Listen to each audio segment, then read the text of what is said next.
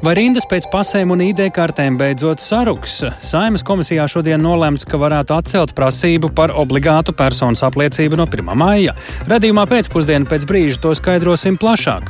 Ukrainas prezidents Zelenskis tikai otro reizi kopš kara sākuma izbraucis no valsts un šodien ieradies Lielbritānijā. Interesēsimies, kādus palīdzības solījumus Londonā viņš saņēmis. Vai Latvijā jāpalielina minimālais automašīnas stāvēšanas vietas platums? Mēs varam paplašināt, bet ja nav pārkošanas kultūras, tad tik un tā būs problēmas. Ir vērts domāt par vairāk, jo mazāk mašīnu nekļūst. Ja uztaisīs platākas stāvvietas, tas nozīmē mazāk noprakosies. Politiķi sākuši šādu iedzīvotāju iniciatīvu skatīt parlamentā. To visu jau pavisam drīz skaidrosim redzējumā pēcpusdienā kopā ar mani Tāli Eipuru. 16,5 minūtēs skan pēcpusdienas ziņu programma, skaidrojot šodienas svarīgākos notikumus studijā Tāles Eipors. Ugunsdzēsēji tikai pirms pāris stundām beiguši gandrīz diennakti ilgo darbu ugunsgrēkā Mārupē bezpilota lidaparātu ražotnes Edge autonomija ēkā.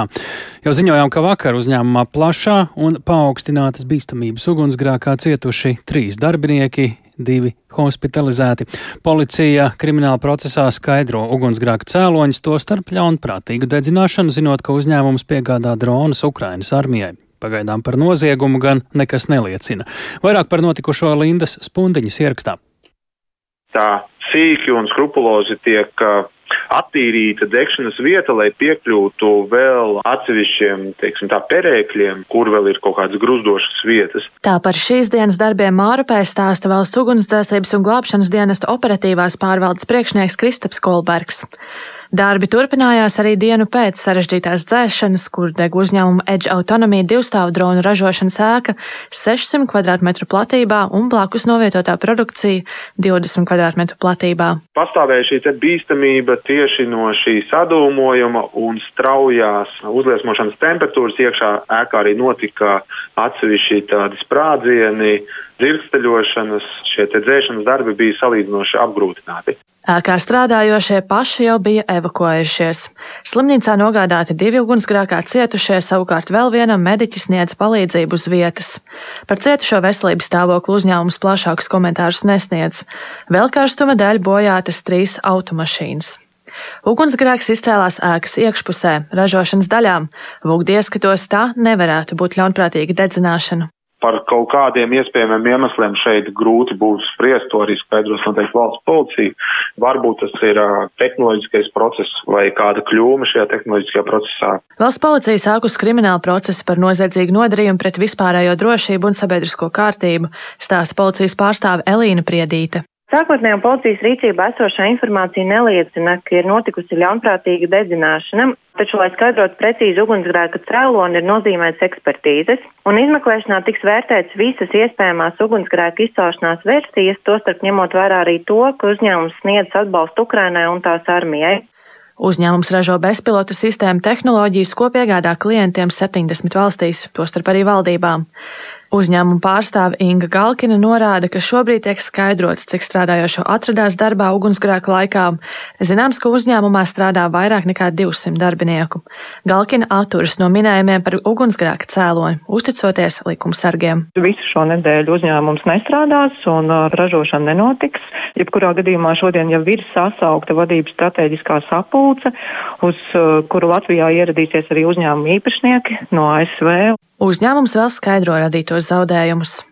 Dzēšanas laikā ūdens nonāca kopējā lietus kanalizācijā, kas ietecēja blakus esošajā grāvī. Glābēji uzstādīja absorbējošās bonas, lai nepieļautu potenciāli piesārņotā ūdens izplatīšanos. Vakar un arī šodien valsts vidas dienests vērtē radīto vidas piesārņojumu. Pirmie dati rāda, ka ūdens līdz norobežojumam bijis piesārņots, saka dienesta Lielrīgas reģionālās vides pārvaldes direktors Kalvis Avotiņš.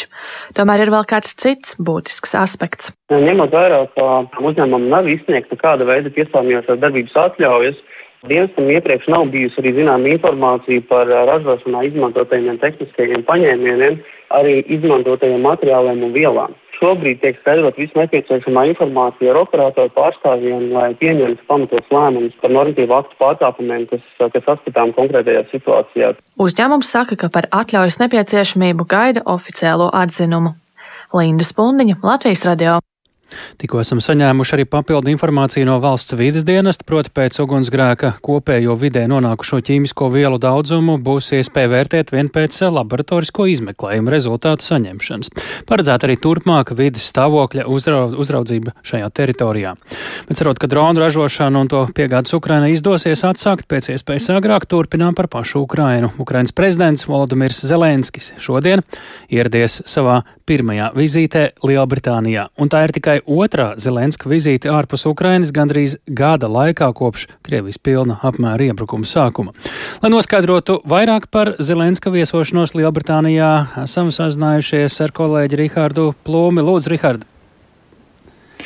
Jā, šo pēcpusdienu, kad Zelenskis izkāpa no militārās lidmašīnas Lielbritānijā, tērpies eh, savā zaļajā džemperī, kurā viņš ierasti redzams, eh, viņu sirsnīgi sagaidīja Britu premjers Rišijs Sunaks, abi apskāvās, un tas jau vien liecina par to, kādas attiecības valda starp abām valstīm. Un, kā mēs zinām, Lielbritānija ir bijusi viena no aktīvākajām rietumvalstīm, kas ir sniegusi un arī turpina sniegt palīdzību Ukrainai. Un eh, Britu premjeras birojas šodien ziņoja, ka Briti turpinās un arī paplašinās Ukraiņu karavīru apmācību, iekļaujot arī apmācību iznīcinātāju pilotiem. Un Lielbritānija jau pēdējo sešu mēnešu laikā jau apmācījusi desmit tūkstošu Ukraiņas karavīru, un šogad eh, sagaidāms, ka apmācīs vēl 20 tūkstošu karavīru. Paklausīsimies, ko šodien eh, Britu parlamentā teica Lielbritānijas premjeras Rišīs Unaks. Vladimir Putin's aggression cannot be seen in any way to have been successful, and that's why Vladimira Putina agresiju nekādā veidā nevar uzskatīt par veiksmīgu, un tāpēc mēs esam pātrinājuši un palielinājuši savu militāro atbalstu Ukrainai. Šodien ejam vēl tālāk, sniedzot ne tikai Challenger tankus, darot to kā viena no pirmajām valstīm, bet arī virzāmies soli tuvāk, lai sāktu trenēt Ukraiņu karavīrus, sniedzot viņiem spējas, lai īstenotu ofensīvu un arī trenētu viņu pilotus produktus. Parlaments var būt drošs, ka turpināsim atbalstīt Ukrainu, lai nodrošinātu izšķirošu uzvaru kaujas laukā šogad. Pagājušajā nedēļā Britu premjeras sacīja, ka Lielbritānijas iznīcinātāju taifūnu un F-35 nosūtīšanu uz Ukrainu prasītu mēnešiem, ja ne gadiem ilgu apmācību, lai Ukraiņi, Ukraiņi ar tiem uh, spētu rīkoties. Sunaks tam dēļ meklējot visefektīvāko veidu, kā tad palīdzēt Kijevai nodrošināt uzvaru. Lielbritānijas aizsardzības ministrs Bens Volles tikmēr ir brīdinājis, ka iznīcinātāju piegāda Ukrainai nebūtu kaut kāda burvju nūjiņa, kas maģiski visu atrisinātu. Tomēr viņš ideju kā tādu par iznīcinātāju piegādi nav izslēdzis. Pirms brīža Zelenskis Vestminsteras zālē uzrunāja Britu parlamentu, kur viņš tika sagaidīts ar ovācijām. Paklausīsimies, ko viņš teica. You and us already have the experience of defeating the evil that is generated by human nature. Jūs un mēs jau esam cīnījušies pret ļaunumu un sakāvuši ļaunumu, ko radījusi cilvēka daba. Es nesaku, ka pēc tam, kad karš beigsies, karu vairs nebūs. Nē, ļaunumu nav iespējams pilnībā izdzēst no cilvēka dabas. Tomēr tas ir mūsu varā ar darbiem un vārdiem garantēt, ka cilvēka labā puse būs pārāka.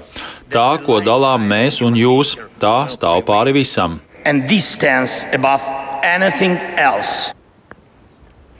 Zelenskis savā uzrunā vairāk kārt uzteica Lielbritānijas līderību un atbalstu, arī atgādinot, ka sadarbība ir jāturpina arī turpmāk, to starp veidojot kaujas lidmašīnu koalīciju.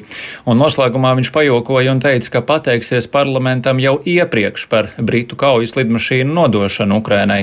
Zāli uz to reaģēja ar smiekliem un arī aplausiem.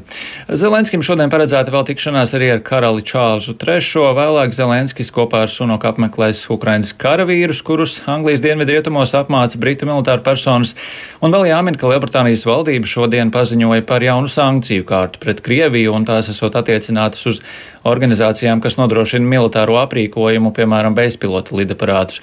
Un sankcijas tiks vērstas arī pret astoņām personām un vienu organizāciju, kas palīdz uzturēt Kremļa elites bagātību un varu. Noslēgumā vēl es piebildīšu to, ka pēc Londonas sagaidāms, ka Zelenskis jau rīt ceturtdien varētu apmeklēt arī Briseli. Tas man arī šim brīdim viss. Par to arī jau citos ziņu raidījumos paldies, Rihard, bet lai Kā mēs vēlētos pēc iespējas agrāk Ukrainas uzvaru, visticamāk, karš šajā valstī būs ilgstošs. Tā Latvijas radio saka NATO ģenerālsekretāra vietniece publiskās diplomātijas jautājumos Baiba Brāže. Viņai viņa sniedz interviju kolēģim Mārķumam Konohovam. Pirmkārt, kārdarbībā pauze nav iestājusies. Kā mēs zinām, ikdienas, ik stundas Bahmutas apkārtnē, ne tikai Donbasā, bet arī citur notiek aktīva kardarbība. Tas, ka ne Krievijai, ne Ukrainai nav izdevies iekrot būtiskas jaunas teritorijas, tikai parāda to, cik ārkārtīgi sīvas ir šīs cīņas. Neapšaubām NATO stratēģija ir pilnīgi skaidra. Dalība valstis nodrošina kopā ar partneriem respektīvi, no Austrālijas līdz Somijai, Zviedrijai, pat Maroka ir sniegusi palīdzību, kas ir letālā palīdzība ieroču piegādes, un koordinācija notiek ASV vadītajā tā saucamajā Rāmsteins grupā, jeb Ukraiņas atbalsta grupā. Un tas tiek darīts tādēļ, lai tas būtu pilnīgi skaidrs, ka NATO nav kara puse, jā, nestoties uz Krievijas meliem. Bet otrs, lai arī tas notiktu pēc iespējas ātrāk un tādā iespējamā operatīvā veidā. NATO ziņā ir tā saucamā neletālā apgāde, palīdzība. Tas ir ļoti precīzi definēts, lai tas, kas NATO ir, kolektīvās aizsardzības alianses savām dalībvalstīm, lai būtu pilnīgi skaidrs nodalījums no tā, kas tā nav. Bet jo ilgāk šis karš turpinās, jo lielākas ir izmaksas gan uh, Ukrainai, gan rietumvalstīm, kas palīdz. Protams, arī Krievijai ir izmaksas. Tāpēc vai nebūtu vērts tomēr varbūt šobrīd iedot tādu palīdzību, kas būtu tiešām izšķirīga? Kā arī NATO ģenerālsekretārs teica, ka visticamāk tas būs ilgs karš. Tāpēc arī tās gan ieroči, gan neletālās piegādes ir tik ārkārtīgi svarīgas Ukrainai, lai Ukraina spētu un gribētu tālāk cīnīties. Jo ceļš uz ilgstošu mieru, diemžēl, ved caur karu šajā gadījumā. Piespiest Krieviju saprast, ka ar ieročiem tā nespēs panākt savus strateģiskos rezultātus, sakaut Krieviju. Un tādā veidā nodrošināt Ukrainai iespējami spēcīgu pozīciju pie sarunu galda. Tā arī ir tā gan sabiedroto, gan starptautiskās sabiedrības stratēģija šobrīd. Vienlaikus, protams, ir plašs politiskais process. Mēs zinām, ANO ietvaros, ģenerālās asamblejas ietvaros, drošības padomus ietvaros, tāpat tās dažādas reģionālas iniciatīvas. Protams, Krievijas ekonomika cieši. Jūs pareizi teicāt, protams, Krievijas ekonomika cieši, arī Ukraiņas ekonomika cieši. Mēs redzam, ka Krievijas ienākumi no naftas, gāzes tirzniecības ir dramatiski sarukuši gan decembrī, gan janvārī. Mēs redzam, to, ka ir pilnībā mainījies tas eksports, ko Krievija ir spējusi veikt arī no šiem saviem dabas resursiem. Mēs redzam, ka Krievijas budžeta izdevumi ir dramatiski pieauguši tajā daļā, kas attiecas uz militāriem izdevumiem. Un, lai arī tur nav pilnīgi transparents, vienalga tas ir pilnīgi redzams. Un, tas šādi izdevumi un tas veids, kā Krievija finansē šo karu, nav ilgspējīgi. Tā kā Neapšaubām tas nav dažu nedēļu jautājums, tas ir mēnešu, varbūt pat gadu jautājums. Bet mēs NATO rēķināmies to, ka ātri risinājumi lai arī kā mums negribētos, diezin vai būs iespējami. Cik liela loma šajā visā spēlē? Teiksim, piesardzība vai pat varētu teikt bailes no kodolieroču izmantošanas no Krievijas? Es domāju, ka tas ir viens no tādiem eskalācijas scenārijiem, vadības elementiem, ka neapšaubāmi vēlamais uzdevums ir izvairīties no tādas eskalācijas, kas novest pie kodolieroču izmantošanas. Tā kā tas nav bailes, tādi scenāriji izslēgti netiek, bet pilnīgi skaidrs ir tas, ka Krievija ir pateikusi, tāpat kā pārējās kodolvalstis, ka kodolkarš nav uzvarams un tāpēc kodolieroču izmantošana netiek pieļauta. Tā Baiba Brāža, NATO ģenerālsekretāra vietniece publiskās diplomātijas jautājumos intervijā kolēģim Arķevam Konahovam. Starptautiskās sabiedrības uzmanība pēdējās dienās neapšaubām pievērsta ne tikai Ukrainai, bet arī traģēdijai Turcijā un Sīrijā. Saņemtas ziņas par nu jau vairāk nekā 11 tūkstošiem zemestrīcēs bojā gājušo. Apstiprinātais upuru skaits turpina strauji pieaugt, jo glābšanas un meklēšanas darbi ir sākušies arī vietās, kur ārkārtas dienas ieradās ar ilgu nokavēšanos. Iespējams, atrast vēl kādus izdzīvojušos. Strauji sarūk, tomēr arī šodien pienāca ziņas par dažiem izglābtiem cilvēkiem. Plašāk klausāmies Ulda Čeizbera ierakstā. Ir aizritējušas jau vairāk nekā divas diennaktis kopš spēcīgajām zemestrīcēm, kas nodarīja milzīgus postījumus Turcijas dienvidu austrumos un Sīrijas ziemeļos. Smagāk ir cietusi Turcija, jo zemestrīču epicentri atradās zem tās teritorijas. Postījumu apmērs ir tik plašs, ka atsevišķās vietās glābēji un palīdzības sniedzēji vēl pat nav ieradušies, bet dažviet glābšanas un meklēšanas darbi ir pārtraukti, jo speciālisti uzskata, ka zemdrupām vairs nav izdzīvojušo. Ļoti smaga situācija ir Antakjas pilsētā Turcijas dienvidu dienvidos. Tur pilnībā vai daļēji ir nopostīti simtiem ēku, bet upuru skaits ir tik liels, ka līķus nākas glabāt uz ielām. Kāda Antakjas iedzīvotāja žurnālistus aizveda pie sabrukušas ēkas, zem kuras ir iesprostota viņas tante un vēl kāds radinieks. Teyze! Teyze! Alpay ses veriyor mu? Krustmāmiņ, krustmāmiņ, vai Alpais vēl ir dzīvs? Viņa nāk. Yok, yok, teyze, geldiler, geldiler. Nē, nē, krustmāmiņa, glābēji ir šeit. Viņi ieradīsies tiklīdz būs pabeiguši darbus citur. Nebaidies, viņi ir šeit. Alpai, Alpai! Alpai! Turcijas prezidents Reģeps Taips Erdogans šodien apmeklēja Kahraman Marašas pilsētu, kuras tuvumā bija epicentrs vienai no pirmdien notikušajām zemestrīcēm. Viņš atzina, ka pēc zemestrīcēm Turcijas varas iestādes nav rīkojušās pietiekami operatīvi, taču solīja, ka valsts sniegs visu nepieciešamo palīdzību. Hedefimiz inşallah bir yıl içerisinde de Es ceru, ka gada laikā mums izdosies uzcelt jaunus dzīvojamo ēku masīvus Kahramanmarašā un pārējās deviņās provincēs, kas cieta zemestrīcēs. Mēs nekad nepieļausim, ka mūsu pilsoņi paliek uz ielas. Mēs pašlaik esam mobilizējuši visus savus resursus. Mēs sniegsim atbalstu saviem iedzīvotājiem un veiksim nodarīto postījumu novērtējumu. Šim nolūkam ir atvēlēti līdzekļi no budžeta. Mēs vēlamies atvieglot cilvēku problēmas šajā pārejas laikā. Sıkıntılarını giderelim istiyoruz. Turcijas valdība ir saņēmusi plašu kritiku par nespēju laicīgi nogādāt glābējus un palīdzību uz katastrofas vissmagāk skartajiem rajoniem. Desmitiem tūkstošiem cilvēku pēdējās naktis ir pārlaiduši zem klajas debesis vai savās automašīnās bez iespējas paēst siltu maltīti vai nomazgāties. Uldis Česberis, Latvijas radio. Skolotāja streika iespējamība atkal kļūst arvien reālāka, kā mātes piena bankai gājas pirmajā darbības gadā un Latvijas pasniekiem iegādāti 105 elektrovelosipēdi. Par šiem tematiem jau pēc brīža raidījumā pēcpusdienā.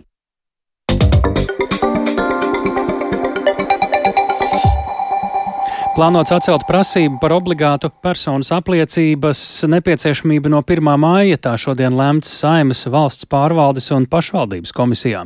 Ar laiku gan personas apliecība būs obligāta, bet tā būs jāsaņem tikai tad, kad būs beidzies pases derīguma termiņš. Piemēram, ja iedzīvotājiem vēl nebūs personas apliecības, tad beidzoties pases derīguma termiņam būs jāizņem vai nu tikai personas apliecība, vai ja vēlēsies klāt arī pasi. Kāpēc pieņemts šāds plāns? Vaicājām valsts pārvaldes un pašvaldības komisijas priekšsarētājai Daigai Mieriņai tās rindas un tas stresa līmenis, kas cilvēkiem paliek tuvojoties tam 1. maijam, paliek arvien lielāks un faktiski arī pats PMLP nav neko darījis, lai šīs rindas mazinātu, starp arī uzraugošā ministrija un skaidrs, ka termiņš ir faktiski neizpildāms un līdz ar to mēs Zaļo un Zemnieku savienību rosināja tātad šo termiņu pārskatīt un arī pārskatīt lēmumu par to, vai tikai uh, ID karte ir kā vienīgais galvenais dokuments vai tomēr atstāt atklāt, ka ir gan pase, gan arī ID, un tas šodien arī konceptuāli tika lemts, ka šis termiņš ir nesaprātīgs un nevajag noteikt šādu termiņu, jo cilvēkiem tad, kad beigsies pase vai ID, tad attiecīgi ejot uz pilsonības un migrācijas lietu pārvaldu, viņš varēs arī vienlaicīgi nokārtot vai nu pasi, vai nu arī ID karte, kas nu, cilvēkam liksies svarīgāk un vajadzīgāk. Skaidrs, ka jau tad, kad šo lēma, manuprāt, bija jau skaidrs, ja nestiprina pilsonības migrācijas lietu pārvaldu kapacitāti un atalgojumu jautājumu, tad šo normu izpildīt nevar. Mums ir arī katram Ukrainas ieceļotājiem arī tiek izdots dokuments, bez tam vēl ar 1. septembri nebūs spēkā vairs vienlaicīgi 25 tūkstoši esošiem šīs uzturēšanās atļaujas. Tā kā ir naivi cerēt, ka pieņemot tik daudz politiskus lēmumus, ka pilsonības migrācijas lietu pārvalda bez jebkādām papildus darbībām, bez papildus finansējuma budžeta un darbiniekiem vispār to varētu izdarīt. Un jautājums, vai arī tas ir vajadzīgs. Kas līdz ar šo iedzīvotājiem tad jāņem vērā, jo izskatās, ka šis tad arī diezgan cieti tiks nolemts? Tik un tā spriedze uzreiz nemazināsies, jo ir ļoti daudz blakus lietu, kas cilvēkiem ir jāizdara. Bērniem ir nepieciešams tāpat vesela virkni pakalpojumu, tās ir braukšanas, pusdienas un vēl viss kaut kas, kur bērniem arī ir nepieciešami visādi apliecinoši dokumenti. Līdz ar to rinda mazināsies, vairs nebūs šajā rindā apzinīgi pilsoņi gribēja tiešām līdz 1. maijam izdarīt. Tie varēs pagaidīt, kamēr viens vai otrs personu apliecināšana dokumenta termiņš beigsies. Ja tā būs pase, tad cilvēks atnāks mainot pasi, viņš saņems arī personu apliecinošu dokumentu. Protams, ja viņam būs vajadzīgs tas, uz ko mēs virzam, ka vai nu vienu, vai nu otru, jo tie kritēriji, kas bija pat iepriekš, ka lūk, personas apliecinošs dokuments vajadzīgs, lai varētu visiem nodrošināt uh, elektronisko parakstu, elektroniskās e-pasta adreses, tas vairs neiztur faktiski kritērijus, jo e-mobilā visus dokumentus var parakstīt. Mēs tagad nolēmām koriģētos grozījumus, par ko šodien visi arī vienojās, varētu tad arī virzīt jau steidzamības kārtā. Pēc plāna maiņas izskatās arī citā nozarē - izglītībā. Skolotāju streika iespējamība atkal kļūst ar vien reālāka. Spriešana par streika procedūras atsākšanu šodien Latvijas izglītības un zinātnes darbinieku arotbiedrības valdes ārkārtas sēdē atsākta pēc iepazīšanās ar nākamā gada budžeta projektu, ko vakar pieņēma valdība, rīta iesniegs saimā. Pie mūsu klausulas pedagoģa arotbiedrības vadītāja Inga Vanaga. Labdien! Sveicināti! Par ko pedagogi ir neapmierināti attiecībā uz šī gada budžeta projektu? Tādā neapmierinātībā, ka šodien sasaukta bija arī valdes ārkārtas sēde. Uh, jā, tā tad uh, neapmierinātība ir ar to, ka šī valdība neizpildīja otru daļu no streika vienošanās prasībām. Daļa ir izpildīta, bet būtiski ka šai valdībai vakar vajadzēja pieņemt arī pedagoģu darba samaksas paaugstināšanas grafiku, kas iekļautu visus pedagogus no pirmskolas līdz augstākai izglītībai, taču tas netika izdarīts, un tāpēc valde lēma, ka ņemot vērā ja, šo, šo situāciju, kad netiek izpildīts streika vienošanās, būtiski punkti ir jārīkojas radikāli. Uh, Un, eh, un, un padomē piedāvās izvēlēties vienu no trīs variantiem tālākai rīcībai, kas iekļauj arī uh, streika atsākšanu. Tas nozīmē, kāds tad tālāk ir darbības plāns. Šodien ir šis eh, valdes lēmums, kas notiek tālāk. Tālāk nākamā nedēļa mums ir trešdien padomas sēde, uz kuru ir aicināts amatpersonas, arī nozars organizācijas, kas mūs atbalstīs streika prasībās, un tad uzklausot politiķu viedokli, būs atkarīgs, kāds būs tālākais lēmums. Ja politiķu piedāvājums mums liksies pieņemams, tad varam uzskatīt, ka ir šis izlīgums. Ja nebūs pieņemams, tad padome lems, kuru no vieniem, vienu no trīs variantiem izvēlēties tālākai rīcībai, un tad arī rīkosimies. Bet tas, ko padome, valde arī šodien jāteic, ka ja nebūs radikāla rīcība, tad tas nozīmē, ka no 23. gada 1. septembra pilnīgi nevienai pedagoģu grupai, sākot no pirmskolas līdz augstākai izglītībai, nebūs neviena eiro centa algas pieauguma, jo vienkārši grafika nav. Valdība neapstiprināja, budžetā naudu tam neparedzēja, un tas bija jāizdara šai valdībai. Un slodžu balansēšanas plāns arī nebūs. Tas, kas bija panākts no janvāra, ja, un kas stāsts no spēkā no septembra, tām trīs pedagoģu grupām. Pirmie slodžu balansēšanas soļi dažiem būs, pārējiem pilnīgi nekas. Un tad tā ir tā kopīgā izšķiršanās. Jā, protams, mēs paļāvāmies uz pieciem normatīviem aktiem, kas ir spēkā un uz šīs valdības atbildību par streika vienošanās izpildi, bet, kā redzam, nerada iespēju un tāpēc arī valde uzskata, ka jārīkos ir radikāli un, un jāpanāk ja, gan šis grafiks, gan slodas, jo tas skar pilnīgi visas pedagoģu grupas. Valdība norāda uz pārmaiņām izglītības sistēmā, skolu tīklā, un tad varētu runāt par šīm jūsu prasībām. Ja valdība piedāvā savu plānu, kur iekšā ir gan šis stāsts, gan pēc tam arī atalgojuma paaugstināšanas grafiks, tas varētu būt iemesls, lai nestreikotu. Nē, nevarētu būt, jo tamdēļ, ka uh, mēs nevaram paļauties uz to, ka kāds kaut ko veidos, kaut kāds darba grupas, kaut ko kaut kad analizēs, nezinot, ka vai tiešām pašvaldības vienosies ar nacionālā līmeņa, tātad atbildīgo, nu, izglītības zinātnes ministriju.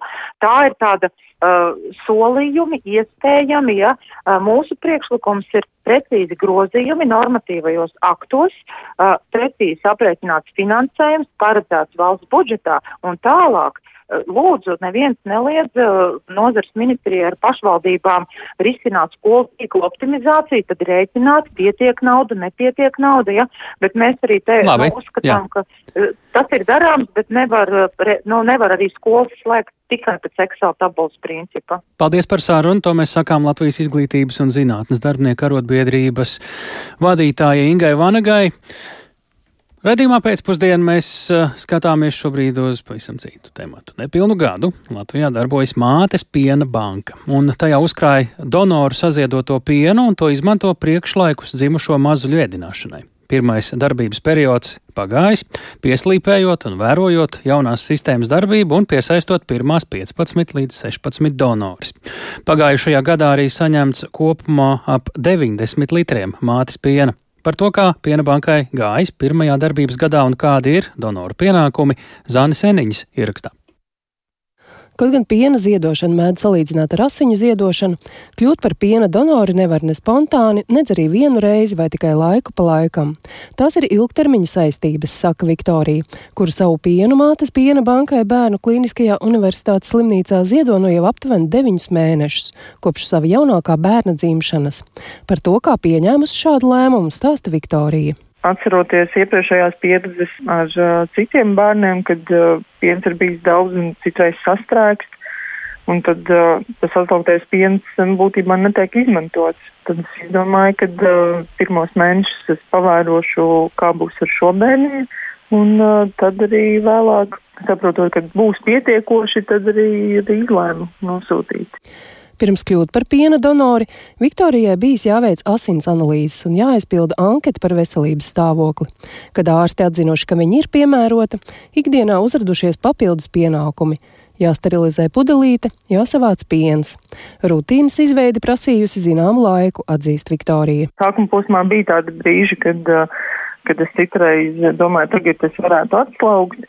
Un es aizēju uz virtuvi un konstatēju, ka klāj es vēl neesmu izmazgājis, es esmu, bet neesmu vēl viņu nosterilizējis. Un es saprotu, ka kamēr es viņu to uzvārīšu, kamēr viņš atdzisīs, kamēr es varēšu salikt kopā, kad tad jau būs vēla nakts. Mātes piena banka sāka darboties pagājušā gada marta beigās.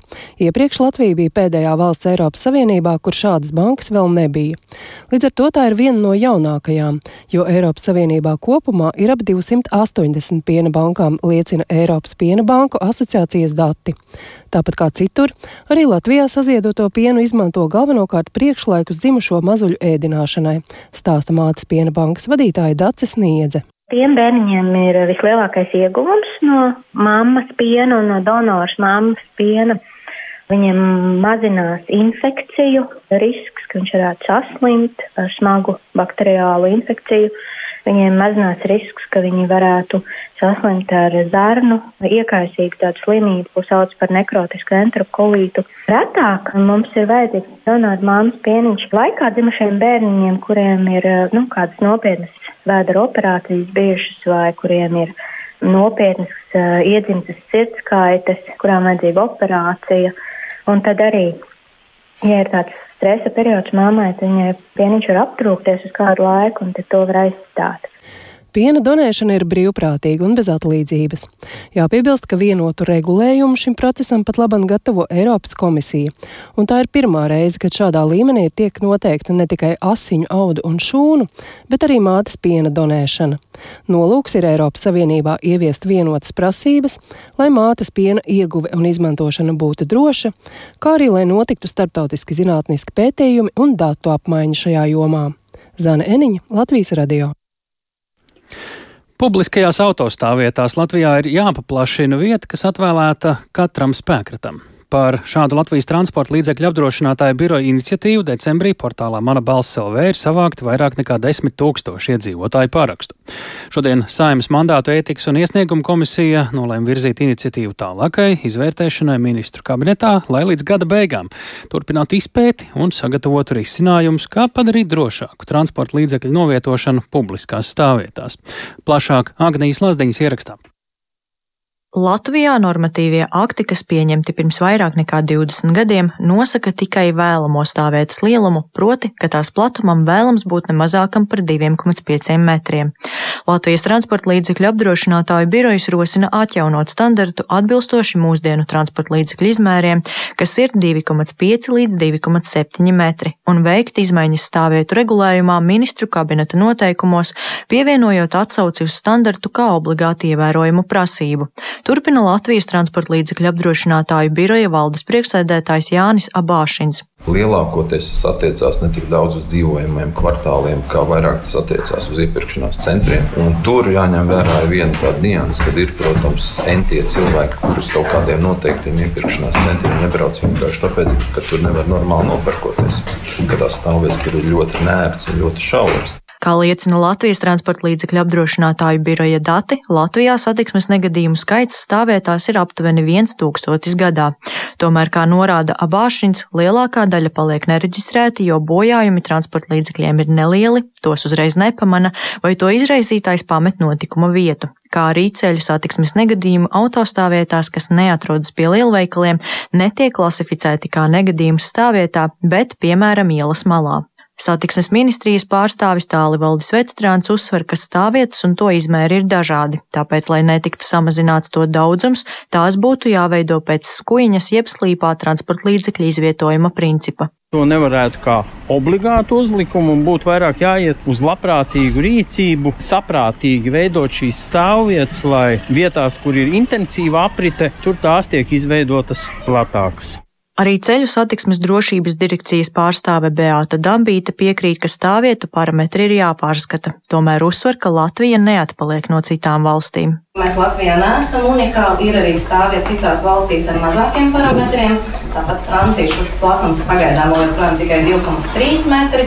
Arī Lielbritānijā tikai pagājušajā gada augustā pieņēma lēmumu palielināt līdz šiem 2,6 metriem. Līdz ar to nevarētu teikt, ka mēs esam kaut kur īpaši iepalikuši no citu valstu prakses. Tikmēr Igaunijas stāvvietu izvietojumu un platumu nosaka Igaunijas standartu centra veidotais pilsētas ielu standarts. Saskaņā ar šīm normām, kas stājās spēkā 2016. gada pavasarī, tirzniecības centros ieteicamais stāvvietu platums ir 2,7 metri, bet citās mazāk apjoma stāvvietās 2,6 metri. Agnija Lazdiņa, Latvijas radio. Savukārt Latvijas radio uzrunātie cilvēki Rīgas ielās eh, ir ar dažādiem viedokļiem. Daļa atzīst, ka autostāvvietas ir pietiekami plašas, daļa saka, ka tās varētu būt plašākas. Tomēr viss ir viensprāts, ja stāvvietas paplašinās, to būs mazāk un tā būs jauna problēma. Par to tad arī klausāmies. Jūsuprāt, vai mums stāvvietas ir pietiekami plašas?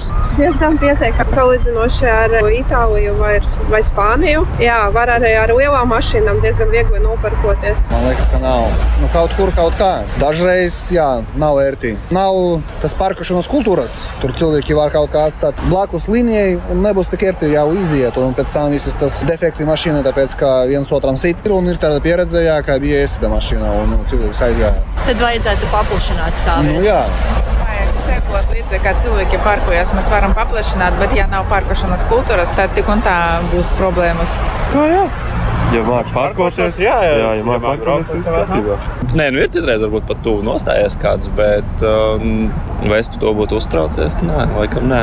Es drīzāk ieteiktu pazemes stāvēt, taisīt 9 no 10 no rīta un īsti nav kur atstāt, gandrīz jau rekojas. Ir vērts domāt par vairāk, jo mazāk mašīna nekļūst. Ja uztaisīs platākas stāvvietas, tas nozīmē mazāk noprakosies, tad gan varētu būt kaut kāds vairāk cīņa, es domāju, par stāvvietām.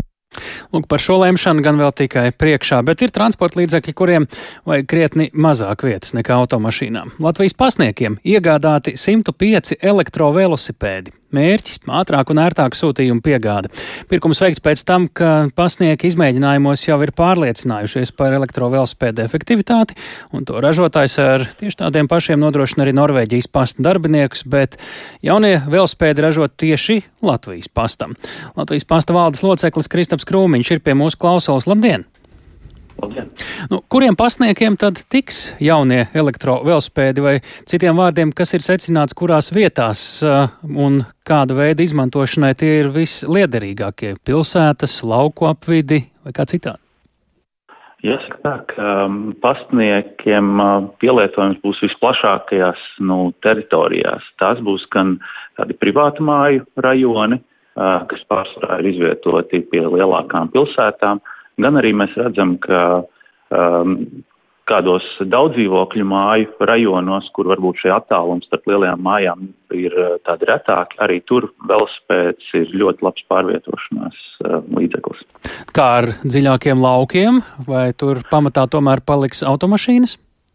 Uh, tādos lauku rajonos, kur patiešām ir uh, liela, teiksim, māju izkliedētība uz kilometru vai, vai retāks šīs te māju izvietojums, tur, tur paliksim pie automašīnām.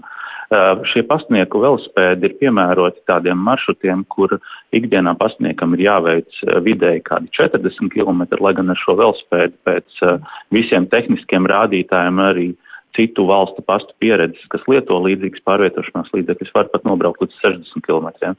Šis ir nu, attālums, ar ko vēl ir šie velospēdi īpaši uzbūves, aprīkojuma ziņā?